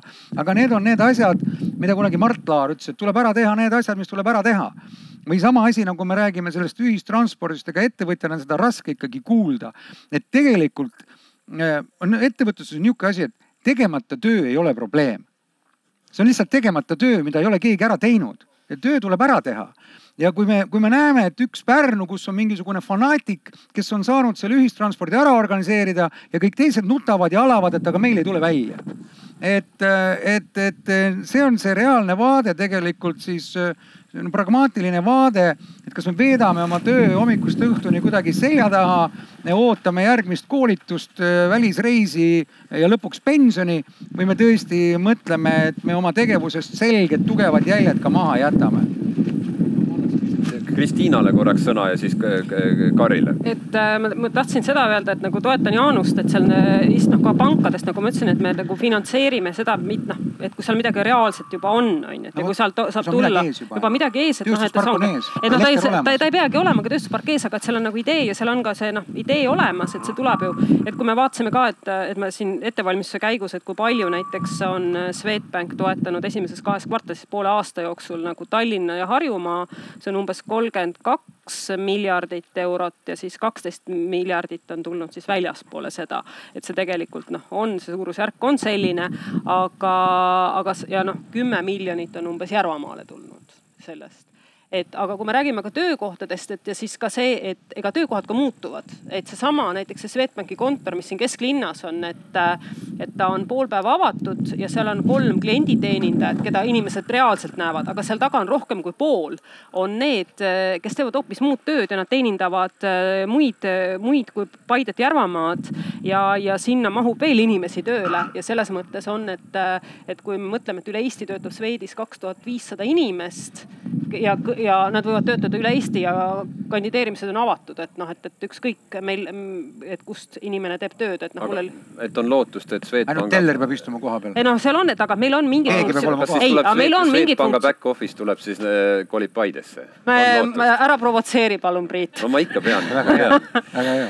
et, et selles suhtes on, et, et on mingid töökohad, mida me ei saa teha nagu ka noh, kus peavad olema süsteemid nagu pangas sees, ei saa teha nagu kaugtööna, aga et see on ka see, et see, et sa võid teha seda Paidest, Rakverest, Haapsalust, noh, ma ei tea tõesti ükskõik kust, et see on ka olemas, et noh, et selles suhtes on, et, et see on ka ja, ja kõikide asjade jaoks ei pea enam pangakontorisse tulema. noh, see on ka muutus. Karil. ja ma haaran Jaanuse sellest ühest äh, repliigist kinni, kus ta ütles, et äh, viis korda, et üldiselt masinehituses on üks töökoht, masinehituses tekitab neli töökohta sidussektorites, allhankes, teenustes, tarbimises. transpordis. ja no siit tuleb nüüd järgmine teema, et, et Eesti eksport, et ilma kauba ekspordita võib Eesti riigi kinni panna sest see oli see, mis meid siin, mikspärast meie eksport äh,, majanduskasv on nii hea tänu tööstus, tööstustoodangule, puidumajad, teatud toidu, toidu, toidu, toidutooted, mis on läinud. ja mis on praegu nukker lugu, on see, et me just toiduliinis, puitsektor on päris hästi läinud äh,. nii-öelda liigub, liigub lõpptoodangu poole, müüvad täislaksmajasid välja, mööbel, muidugi seal oleks veel kõvasti nagu allhankest välja ronimist, aga aga nüüd eh, toidusektoris on asi kurvem, sellepärast et, et eh, seal on ikkagi ja ka ütleme, puidu selline kehva puit, see läheb toormena välja. miljon tonni teravilja, üheksakümmend protsenti külmutatud kala ja nii edasi ja nii edasi ja nii edasi. nüüd noh, tänu piimale nüüd saab asjad nagu jonksu. Et noh, me ei vii enam Leetu seda aga, aga see nüüd see koht, kus tegelikult saaks neid töökohti just väljaspool Tallinnat tekitada, et just seesama Kesk-Eesti, kus on kõige paremad tingimused põllumajanduseks, metsanduseks. Eh, et see toore, mis siit praegu läheb igale poole välja ja teenib kasumit kuskil mujal, eh, see töödeldakse ära siin ja see kasum, see lisandväärtus jääks siia et noh, siin ongi nüüd see koht, kus mina ka äh,, härra Murakas ütles, et see tuleb nüüd omavalitsusel ka võtta, üks on siis tööstuspargid, aga nüüd riigi pool. ja just seal ametnike välitöödel üks kohalik ettevõtja Esmapost ütles, et, et noh, et oh, teema on, et ma, ma kõik riskid omale võtma, ma pean inimest tööle võtma. ja siis, kui ei õnnestu mul see asi äkki, noh juhtub ikka jamasid, tuleb koroona ja, ja siis ma pean nad ka need äh, koondamisrahad kinni maksma et kas ei võiks teha niiviisi, et ma saan mingisuguse nii-öelda portsu tagasi, kui ma, poolakad on ikkagi väga jõhkralt käitunud teatud Euroopa riigiabi seadustega.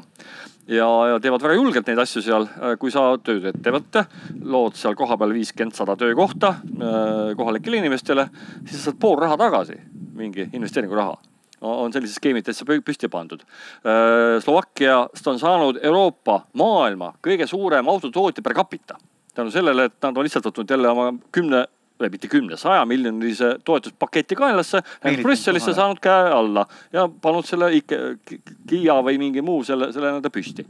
et selles mõttes praegu nagu rahandus, nüüd Jaak on rahandusministeeriumi sattunud, et sa võiksid nagu neid ametlikult togida, sellepärast et nad kardavad seda riigiabi nagu tuld et, et tegelikult võiks ikkagi vastavad meetmed, mis puudutab neid teatud maksusoodustusi, kes loovad just toormet, ütleme tooret äh, väärindavaid töökohti ja äh, regionaalseid töökohti. Neid võiks ikkagi äh, nii-öelda väikese portsu nagu raha tagasi anda, sest nii kui need töökohad on loodud, riigil hakkab ja kohalikel omavalitsustel hakkab kohe maksulaekumist tulema. ma nõustun, ma, korraks et, äh, täiendan ennem Jaak, kui sulle sõna annan, et et eh, Eestil on, eks ju, sõprusosariik on seal eh, Maryland ja ise sai külastatud. siis seal põhimõtteliselt käib eh, ettevõtjate toomine on selline nagu tehingu tegemine. et ettevõtjad, tule meie maakonda, et ehita see, see ja see tehingu üks pool on see, et ettevõtja siis lubab omalt poolt lepingusse, eks ju, et, et tal tuleb nii mitu inimest, paneb tööle. Ta peab täitma selle, et noh, ma ei tea, viiskümmend või sada inimest, ta paneb selle hoone, ehitab ühe aasta või kahe aastaga valmis, eks ju ja siis äh, teine pool, eks ju, siis kalkuleerib, et okei okay,, nii palju laekub mulle siis makse. ja siis, äh, ja siis ütleb, et selle eest ma teen, ehitan teile trassid välja, annan selle maalapi tasuta. koolitan inimesi, noh. koolitan inimesi, et selline konkreetne tehing tehakse. Eestis seda te võimalik teha ei ole, eks ju. et äh, ongi keeruline, et Jaanus viitas sellele, et tööstusalad, ega meil on üldplaneering, teeme seda praegu, meil on seal need tööstusalad märgitud, meil on Mäo tööstuspark, mis on tegelikult, tahab areneda, aga, aga ega seda nõudlust väga ei ole ole, et siis noh, natukene ongi. ei ole kasulik, sest ettevõtjad on öelnud, et mul ei ole kasulik, ma panen sinna selle Tallinna torni või teen veel ühe tiim all ühe, eks ole, see on pankrotis. Äh, Kari ja Priit, väga hull see ei ole, isegi Ida-Virumaal toimib. Äh, Ida-Viru programmist me toetame tööstusinvesteeringuid väga väikse summa. ütleme nii, et äh, riik annab mingi miljoni piltlikult, eks ju ja ettevõtja toob sinna kümme-viisteist miljonit juurde investeeringuna. aga see riigi tugi on ka pangale teatud signaal, KredExile teatud signaal Ja, ja. ja nii edasi. Et, et tegelikult äh, mul on vähe mm, niisugune äh, kuidas ke- kehv uudis omavalitsustele, kes loodavad jälle oma lasteaedu, koole ja mida iganes eurorahadest ehitada. regionaalrahadest enamus läheb arenduseks. otsustaja on kohalik omavalitsus siin. Teie omavalitsused koos maakonnas kirjutate need pri- prioriteedid kas te tahate turismiarendusse panna, tööstusparki panna või veel mõnda ettevõtluse arengusse, aga järgmise kaheksa aasta rahad tulevad arendusse. lasteaedade, koolidega peate juba ise hakkama saama, sellepärast et rahakott on suurem. sealt natukene ka te teistest programmidest toetakse, aga regirahad tulevad ainult arendusse. nii et aga ma nüüd, me Rohkem oleme tund aega oleme arutanud, hakkame varsti ka lõpule lähenenud, niisugune provotseeriv küsimus siin see praeguse arutelu käigu peale. et äh, valimised on tulemas, eks ju, Paides on siin, tuleb palju valimisprogramme, linnapeakandidaate. Paide linna praeguse eelarve puhul on niimoodi, et aastas on noh, jämedalt kaks miljonit eurot. noh, kaks-kolm miljonit eurot on see, kui palju suudetakse omavahendeid investeerida see, see on aastas maksimum, ütleme siis noh, valimistsükkel neli aastat, et circa ütleme kaheksa-kümme miljonit eurot äh, on see summa, mida on üldse võimalik ja see tähendab seda, et äh, sellisel juhul ei ole võimalik äh, mitte ühtegi teed tänavat enam korda teha, mitte ühtegi lasteaia katust ega mitte midagi teha, ühtegi külaseltsi, et, et see on nagu see maksimumsumma.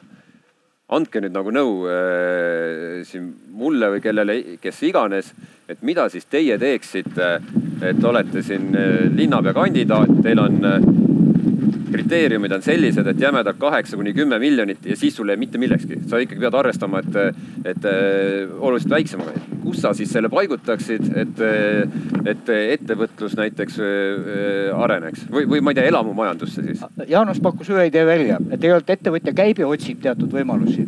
mingid võimalused omavalitsusel on, olgu see maa näol, ka riigi käest on võimalik saada arenduseks maad, mitte väga kõrge rahaga.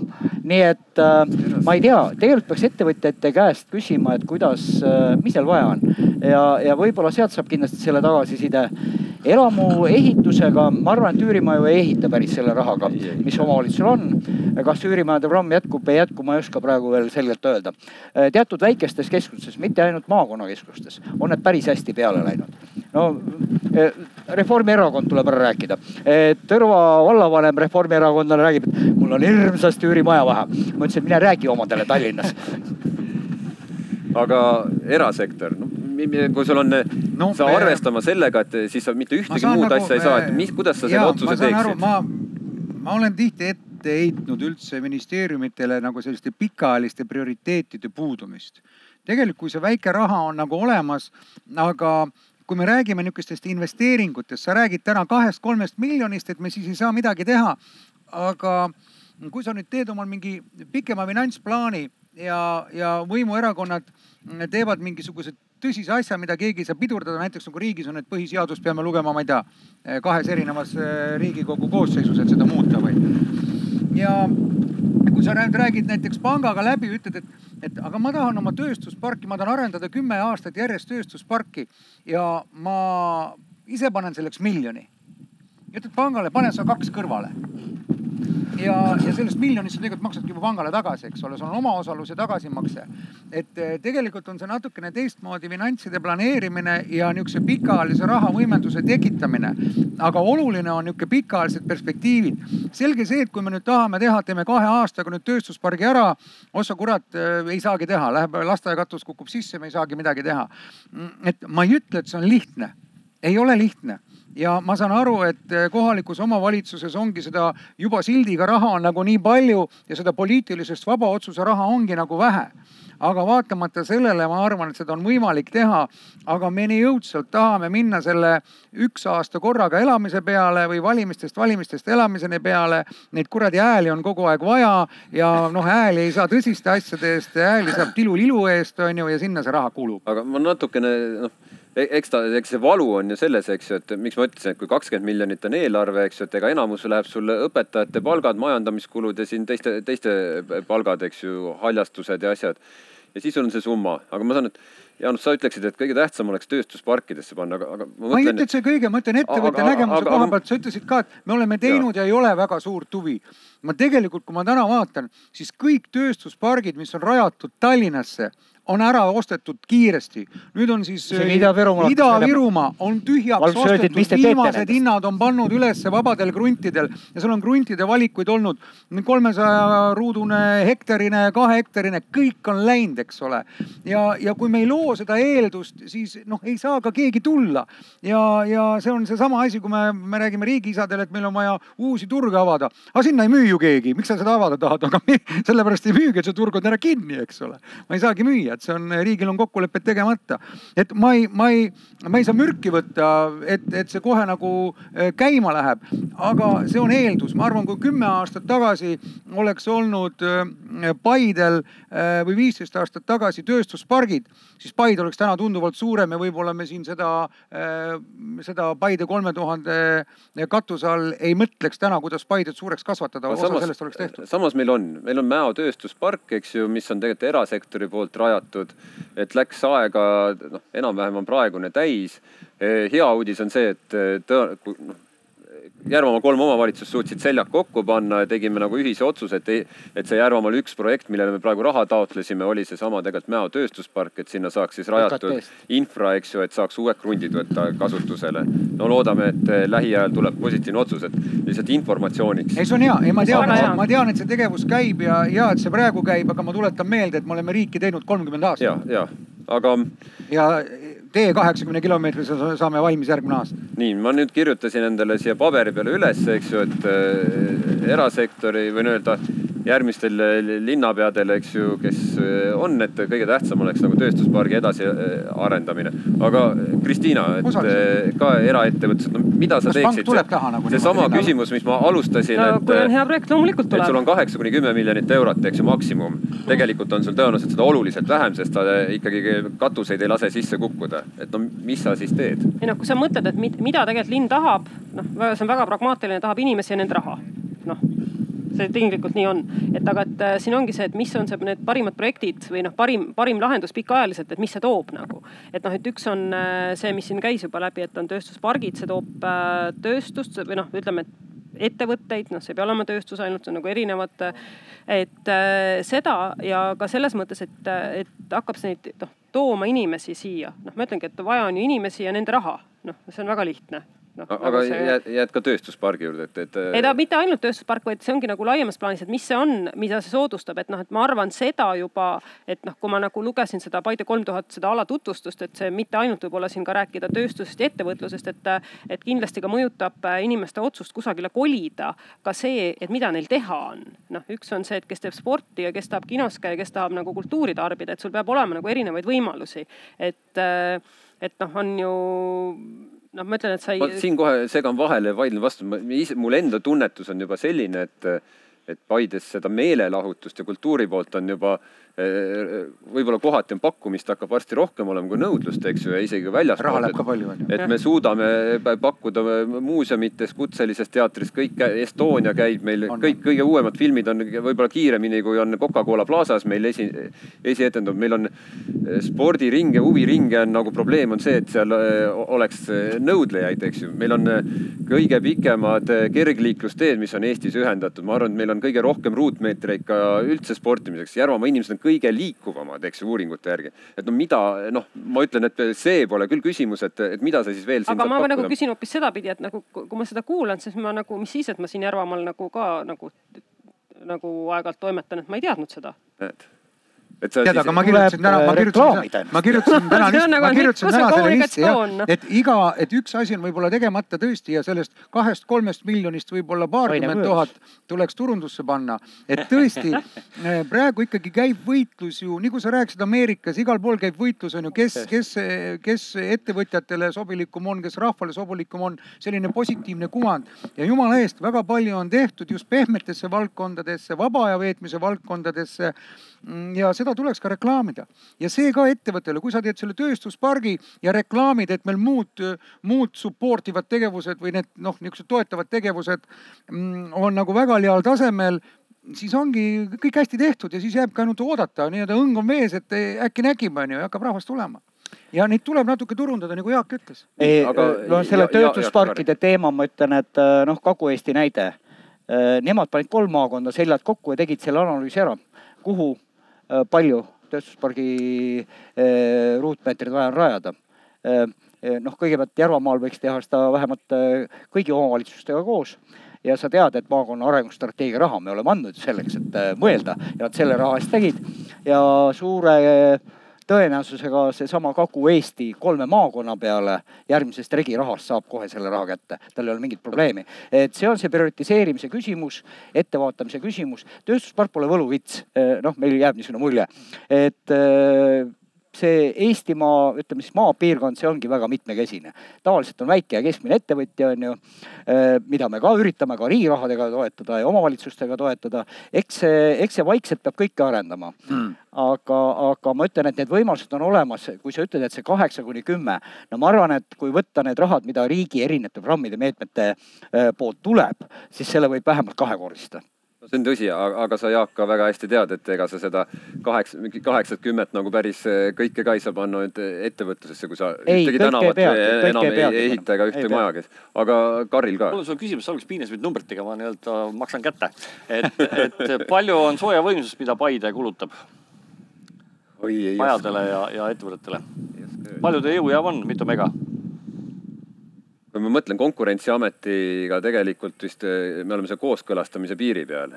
ehk ta vist peaks olema siis, mis ta on siis nelikümmend või viiskümmend. eh, no vot, vot. üldiselt olen just rääkinud eksp-, asja, noh, kes selliseid jõujaamu teevad, et alates viiest megast on kasulik ka hakata elektrit ajama ja soomlased on suutnud seda teha ka nii, seal on teatud nüansid, et sa pead nagu selle noh hakke nagu valmistama, ära, ära kuivatama ja siis sa saad tegelikult ka poole elektrit kätte juba sealt sellest, sellest. Ja noh, miks see on äh, oluline, sellepärast et rohepööre on toimumas.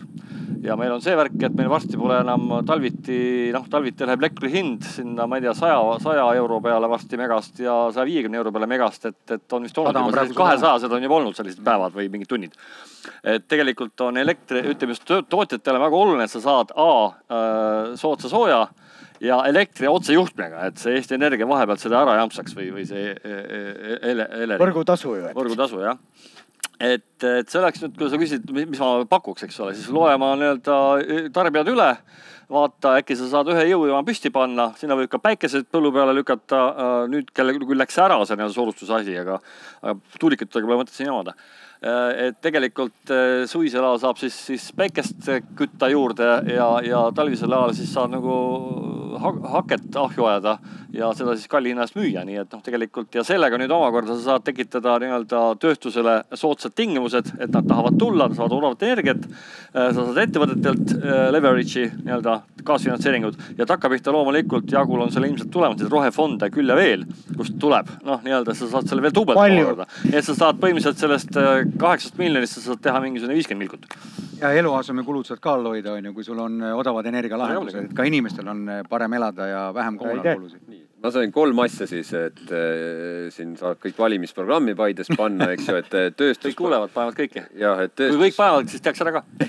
Tööstuspark siis ja turundusplaan, kuidas müüa elukeskkonda ja siis jõujaam Jaak, ega sa ei taha omalt poolt siin midagi veel lisada, et teistelt tulid need mõtted, et kuidas, mis siis minister soovitab veel teha? noh, ega ma arvan, et äh, koostöö on see ees, noh, mida ma olen kogu aeg rääkinud ja mida me oleme suunanud. peale seda reformi oleme kogu aeg suunanud, mõelge piirkondlikult, ärge mõelge ühe omavalitsuse keskselt arendada saab suurema ressursiga edukamalt, efektiivsemalt, kui sa võtad suurema piirkonna taha no ma tõin selle Kagu-Eesti näite, kolm maakonda, mitte ainult kui üks maakond.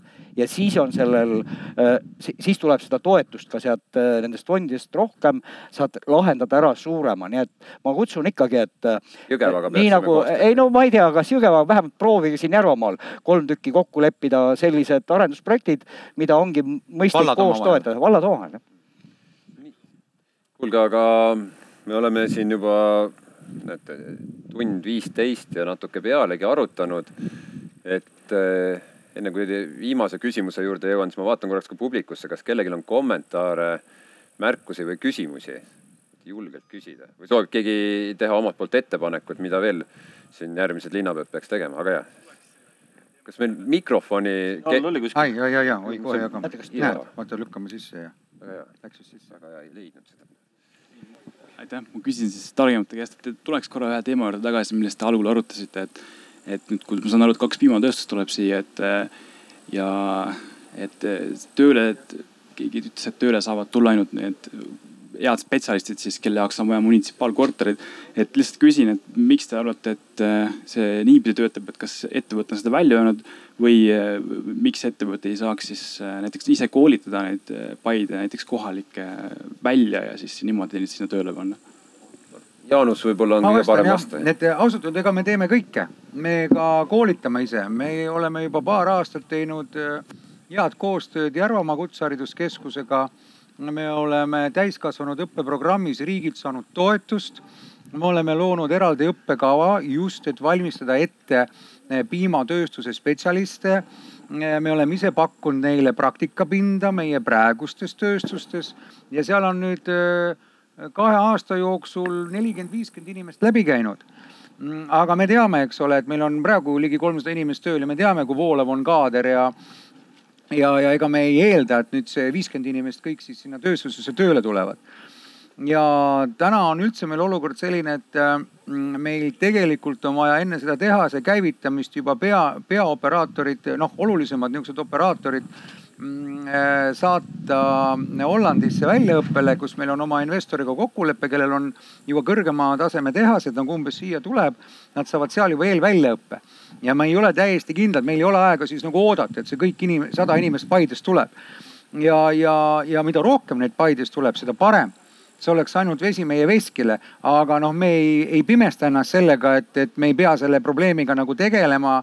et, et kui me ükskord paneme kuulutuse siin eh, Järva teatajasse, et siis on meil sada inimest eh, sellise kvalifikatsiooni või, või taibuga olemas, keda vaja on ja, ja, ja nii ta on, aga me, me töö, tööjõud on tõsine probleem täna Eestis, tõsine, tõsine probleem. kvalifitseeritud tööjõud on, ma ei ütle, et veel tõsisem, noh lihtsalt totaalselt tööjõud on probleem. Ja ja me tegeleme, et sellepärast ma ütlengi, et me ju üks- kas juba võib-olla kolm aastat tagasi hakkasime selle kutsehariduskeskusega seda programmi tegema ja, ja oleme tõesti selles mõttes väga tänulikud, et meil on olemas need täiskasvanute õppeprogrammi rahad ja, ja, ja Osoliniga saime siin head koostööd teha ja ise töötasime need programmid välja ja, ja, ja nii ta on ja, ja kui, kui sa enne siin tegid, ma mõtlesin, et tegid nagu arvutuse, et noh, kui Järvamaa keskmine palk on tuhat kakssada, ma ütlesin, et umbes kakskümmend protsenti tuleks rohkem maksta, siis tegelikult äh, me näeme, et me nagu keskmise palgaga spetsialiste sinna ju ei otsi, onju. Need spetsialistid, keda meil täna sinna vaja on, nende spetsialistide palgatase on täna kaks, kaks pool tuhat niisugused operaatorid, eks nende tase on täna kaks, kaks pool tuhat ja no siis sellest tuleks kakskümmend protsenti rohkem maksta, et neid siis leida. niisugune linnapea palk peaaegu, abilinnapea. Jaa, just. no mul on siin sulle siis alternatiivne pakkumine väga hea et äh, Jaanusele lisaks ma ütlen, et äh, vot äh, nii nagu sa ise võtsid initsiatiivi, Kutsehariduskeskus äh,. Ida-Virumaal on üks hea näide, et noh, kõik me teame Tiit Vähit, eks ju. ühel hetkel tal sai kõrini kutsekooli toodangust, et ei ole noh, ei tule seda, mis tahad. no muidugi teised ettevõtjad ka Ida-Virumaal. Ja siis nad võtsid punni kokku, läksid kõigisse nendesse kutsehariduskeskuste hooldekodudesse noh, nagu seal on ettevõtjate esindajad Nõukogu. ja hakkasid dikteerima, et nüüd võtame ka korralikult ja mõtleme, mida me siit äh, välja laseme, eks ju. ja Ida-Virumaal on praegu kutseharidusega täiesti okei okay.. nii et, et äh, väga palju oleneb ettevõtjast ja koostööst ettevõtjaga. ei ole mõtet toota X spetsialisti X alale, vaid äh, tavaliselt selle piirkonna ettevõtjatel on teatud iseloom, olgu see puidutööstus, ma ei tea, mis asi, piimatööstus Jah. ja siis tuleb just sellist spetsialisti ette valmistada. ja seni on olnud koolidel väga raske küsida ettevõtete käest, keda teil vaja on, siis on mökk-mökk, ei öelda. aga vot see just see, et kui tal on väga pilt sees, keda me, keda me, mis on see, see nii-öelda spetsialist, keda me vajame, kui see ära kirjeldatakse, siis on siin see koolile väga-väga ka kergendus, et noh, me saame toota seda, keda vaja. vestlus on meil nii hoogne olnud, et publik on saanud üsna vähe sõna, et eh, enne lõppu siis veel üks küsimus. jah, aitäh. natuke pikem küsimus, ma mõtlen ka kõva häälega pisut, et ma mainin sellist sõna nagu riigi tunnetus. Et on tehtud ka selliseid uuringuid, kaitsevaldkond on peamiselt teinud ja vaadanud, et milline see riigi tunnetus on, olgu see siis sellel puhul, et kui tuleb mingisugune sõjaolukord või on vaadatud näiteks, et milline oleks seis Ida-Virumaal ja et kas inimesed tunnetavad ennast nagu lojaalse kodanikuna ja kõik nii edasi, nii edasi. Kui vaadata nagu riigi tunnetust ja Järvamaad, mulle meenub kaks aastat tagasi üks Järva Teataja esikaas kus siis äh, härra minister teab väga hästi seda äh,. esikaanel oli äh, vast avatud äh, Sotsiaalkindlustusameti äh, uus hoone Türil. ja pealkiri sellel esikaanel oli Riik tuli Türile see oli sihuke natuke humoorikas, aga teisest küljest see on nagu niimoodi naer läbi pisarate. ehk siis, kui me vaatame äh, et äh, me räägime, me oleme täna siin rääkinud, ma olen kuulanud siin tund ja kakskümmend minutit, me räägime tööstusest. me räägime ettevõtlusest, siis me räägime jälle ettevõtlusest, siis räägime tööstusest, natuke kinodest ja siis natuke teatritest ja. aga kui me räägime nagu riigist kui sellisest, et võrdleme jälle Tallinnaga. Tallinnas on tuhandeid töökohti, mida tegelikult rahastavad kilingi-nõmmelased, Türi inimesed, võrokesed, saarlased ja nii edasi, ma võin lugeda terved maakonnad ette aga et nagu, kui ma vaatan nüüd, et ka nende neljarealiste peale, et kui me räägime sellest, et noh, jällegi olen tund aega kuulanud seda juttu, kuidas äkki Paidekas hakkab siis Tallinnas tööl käima ja nii edasi. mul oleks nagu selline küsimus nüüd, et kui maanteed saavad valmis, kui me tahame nagu suuremat riigi tunnetust, mis ulatuks ka Tallinnast ja Harjumaast kaugemale üle Eesti. milline võiks olla riigipoolne järgmiste aastate tugi Järvamaale? et riik oleks nähtavam, seesama Sotsiaalkindlustusameti äh, mitukümmend töökohta on tegelikult väga suur asi juba märgilise tähendusega, juba infrastruktuuri mõttes on näha midagi, et on näha nagu ka hooneid ja nii edasi. et ma ei tea, võib rääkida ka maksuerisustest, millest on pikalt räägitud, et äkki ikkagi nagu väljaspool on, on näiteks erinevad nagu, erinevad maksud erinevates piirkondades ja nii edasi ja nii edasi, et viskan palli õhku. mida te kõik näeksite selles osas, mida võiks riik veel teha Järvamaal? Olgu see infra mõttes, noh, see kaugtöö jutt on ka tore, et ma teen sülearvutiga kuskil diivanil nagu põlve peal tööd, eks ju, ja noh, tegelikult töökoht on kuskil Tallinnas. no see ei ole see, et äh, riigi, riiki peaks olema ka näha rohkem. et me ei kujuta ju ette näiteks, et politseiamet oleks, äh, et politseinikud teeks kaugtööd kodus, eks ju on, siis helistatakse, siis ta tuleb, kui paneb riided selga, läheb kodust välja, hakkab mingit korda looma ja siis läheb koju tagasi. ikkagi kodanikele on väga tähtis, et on üks hoone, on üks koht, on PPA ja seda on näha, et riik on kohal. hästi pikk küsimus, aga ma ei ole aga... kuulnud eriti sõna riik täna ja tahaks väga, et mida võiks riik teha Järvamaale aga.... kui lühike vastus, siis riigimaja tuleb aga töökohti korda, ei tule toome, ei, aga töökohad on tõesti, ma arvan, et see tulevik ongi selline, et see värbamine on üle-eestiline. kui Paide inimene kandideerib ükskõik mis riigiasutusse, ta võib omada selle universaalse töökoha seal riigimajas ja osaliselt enamuses isegi kodus tööd teha. keegi ei sunni teda Tallinnasse minema nagu, aga ka Tallinna inimene võib-olla tuleb Paidesse, kui sa oskad välja reklaamida seda, mida Kristiina ütles, et ta ei tea et siin on nii hea elada. seesama Tallinna kontoriametnik ja meie oleme avastanud, et Tallinnas meil on vaja kontoreid nüüd kõvasti koomale tõmmata, sellepärast kaugtööga ei ole neid enam vaja nii, aga me teemegi viimase vastuste ringi sellele küsimusele, et Karri järgmisena vastab. tegelikult väga hea, et sa äh, rõhutasid seda, et tegelikult meie maksame Tallinna ametnikele palka. ja nüüd äh, see, et need töökohad on seal, see, et Tallinn saab sellest kasu käivet, äh, tarbimist ja nii edasi, et seda võiks siis kuidagimoodi mujal Eestis nagu soodustada. ja siin ongi see nii-öelda maksusoodustuse teema just noh, aga seda peaks nii-öelda noh, nii-öelda helikopteri pealt külvama, et siis sel juhul lihtsalt tarbitakse ära. Aga Näiteks siin. Pärnu on väga populaarne. täna, täna, täna, täna, täna, mis nüüd oligi, et, et seesama ettevõtet, et kui ettevõttel lööb töökohad et anname talle siis osa seda nii-öelda töökoha raha tagasi, noh nagu see oli see deal, deal Ameerikas, Ameerika näitel, mis on väga levinud ka Euroopas. Äh, need või, või siis energiatasud. natuke nüüd tehti siin nagu leevendust, aga tegelikult see on nii näpuotsatäis, et Rootsis on kümme korda diferentseeritud energiatasud. sa oled suur tarbija, suur tselluloositehas, sa saad kümme korda soodustust selle võrra, mis tavatarbija saab. kolmandast tuleb järgmine hüpe. nii et noh, tegelikult äh, siin on neid kohti, kus riik saab tagada just seda ja noh, mis on just ekspordi teemas, riigil seda endale vaja. Tallinnast eksporti ei tule, Tallinn on deindustrialiseerunud ju viimased kakskümmend aastat. tööstus liigub sealt välja, Harjumaalt liigub ta ka välja. Äh, ja nüüd ongi see, et, et kui me seda tööstust siin mujal Eestis ei, ei tugi, äh, siis, siis tegelikult see ressurss läheb meil nii-öelda poolmuidu välja ja me, me jääme sellest noh, nii-öelda, me ei saa head elu nagu Põhjamaades on saavutanud. nii, mida saab siis riik Paidele teha? Kristiina, Jaanus, kumb teist tahab esimesena? ma võin nii palju öelda, et mina nagu ettevõtjaga, ettevõtjana noh, ma ei tunne nagu sellist nostalgiat või vajadust riiki nagu näha, eks. et kui sa äh, väga-väga ei tunne et äh, tunnetada. tunnetada, riik Tunnetada on, kui sa oled ettevõtja, riik on sul kukul kogu aeg, eks ole, veterinaaramet, töökaitse, aga samas maksuamet. üürimaju tahaksid, eks. ja, aga üürimaja ei taha ja, et ega ja et, et selles mõttes, selles mõttes võib-olla ja ma saan aru, et niisugune kodanikul võib-olla selline, selline soov on olemas ja ja mul ei ole midagi selle vastu. aga ma mõtlen jälle teistpidi, et kui me seda riiki tahame igale poole näha, siis see läheb jube kalliks meil maksudega ülal pidada. et, et me peame seda kuidagi tasakaalus siis nagu tegema, et, et me seda riiki nagu liiga suureks ei eh, kasvata, et ma lihtsalt spekuleerin, et eh, mingid päris vanad andmed et SKP-st Eesti riigil läheb valitsemise peale rohkem protsente kui Lätil või Leedul, eks ole. et ma pigem näeksin, et me peaksime, me kogu aeg räägime, et me oleme väga IT-kesksed, me oleme väga nutikad. aga miskipärast meil see riigi, riigis nagu palkasaajate arv või riigieelarves palkasaajate arv nagu ei vähene et tulevad süsteemid, infotehnoloogiad juurde, kontorid kaovad ära. aga, aga inimesi on ikka palju. ametnike arv väheneb iga aasta. nüüd väheneb ja no jah. Viimased aastad. siis on hea kuulda. aga, aga sa, oligi. sa tahaksid, et riik hoiaks eemale pigem siis? ma mõtleksin, et riik peaks nagu öö, olema nagu igal pool nähtamatult olemas, et see, et ta peaks võib-olla igal pool suurte hoonetega esile paistma ma jään lihtsalt oma arvamuse juurde, et ma ei, ma ei, ma ei, ma ei oska öelda jah. aga viimasena Kristiina. ma arvan, et riik see peab riik, toimima, kord peab olema, onju, aga. Noh, ma arvan, et see, olles olnud küll ise pikaaegne riigiametnik, et äh, võin seda öelda, et vahest äh, nüüd eraettevõtluses ma näen, et tegelikult vahest ka see riik on üle müsti- müstifitseeritud mingites kohtades.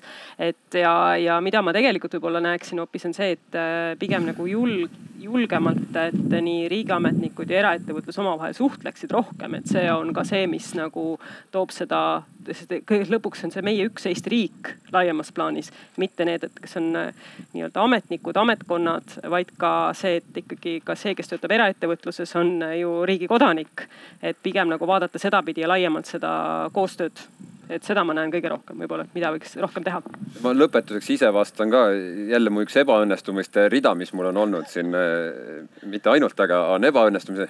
kui algul oli palju hoogu sees, läksin eh, keskkonnaministri juurde, ma nimesid ei nimeta, et eh, RMK peakontor siia tuua. minister nõus, kantsler nõus, kes on nõukogu esi, esimees vist ei olnud, aga nõukogu liige RMK-s.